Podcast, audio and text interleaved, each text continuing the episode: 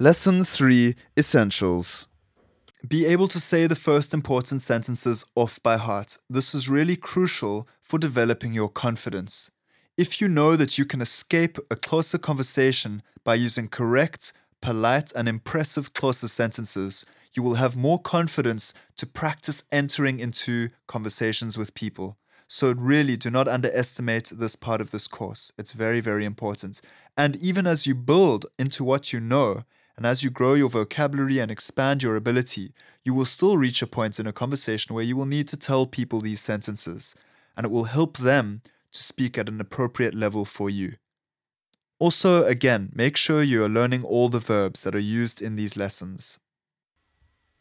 Questions. I request peace or I am sorry. Ndicela uxolo.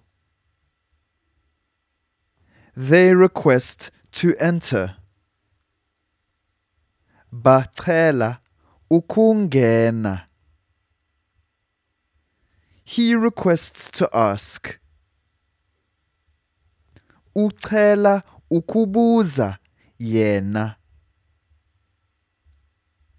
We request to sit down. Sicela ukuhlala phantsi.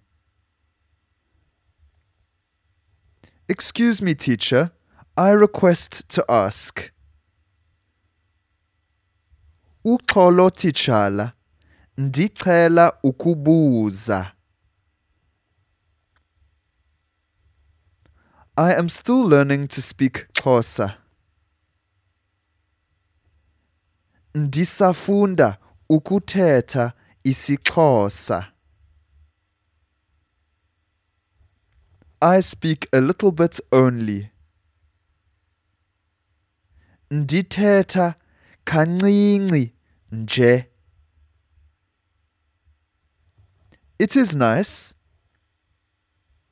Kumnandi. But it is difficult.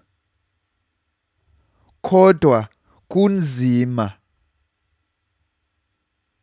I request to speak English now. Ndicela ukuthetha isiNgesi ngoku.